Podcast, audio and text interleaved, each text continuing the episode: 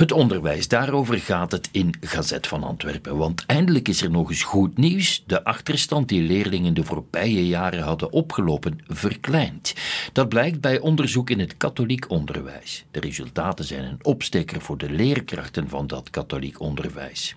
We kunnen alleen maar hopen dat het ook geldt voor andere netten, schrijft Chris van Marsenille. Want alle leerkrachten verdienen dat respect. Dus als we nog eens met gemeenschapsgeld de evolutie van schoolprestaties onderzoeken, laat ons dat dan vooral voor alle netten doen. Het mag niet de bedoeling zijn één bepaalde onderwijskoepel in het zonnetje te zetten.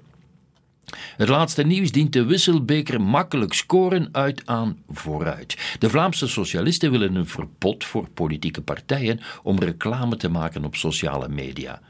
Waarom zouden politieke partijen mogen inzetten op advertenties op klassieke media en niet op sociale media?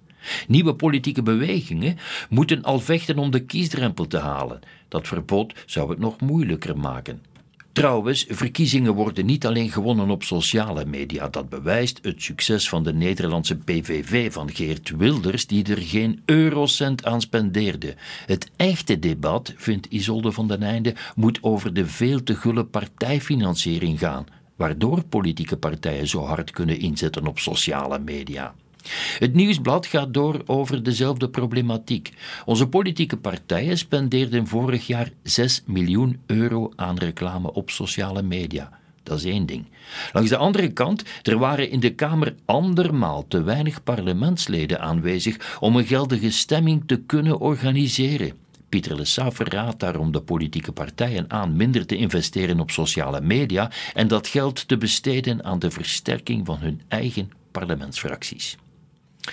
Het startschot van de voorverkiezingen in de Verenigde Staten is nog maar net gegeven en het lijkt alsof de race al gelopen is, schrijft de morgen. Donald Trump won in Iowa met overmacht. President Biden mag in zijn campagne niet de fout maken om Trumps wij tegen zij beeldvorming over te nemen, wat hij nu wel doet, vindt Martin Rabai. Biden speelt in de kaart van Trump op die manier. Ook in Europa is angst voor Trump een slechte raadgever. Premier De Croo benadrukte in het Europees Parlement terecht dat de Europese Unie een mogelijk Amerika-eerst-scenario niet moet vrezen, maar omarmen door Europa versneld zelfstandiger te maken. Ook het belang van Limburg geeft premier De Croo in dat dossier gelijk. Europa moet op eigen benen leren staan, met of zonder Trump. Dat besef is doorgedrongen, maar sterkere legers en een grotere defensieindustrie komen niet op bestelling. Dat vergt tijd. Tijd die Europa niet heeft, mocht Trump in 2025 de stekker uit de NAVO trekken.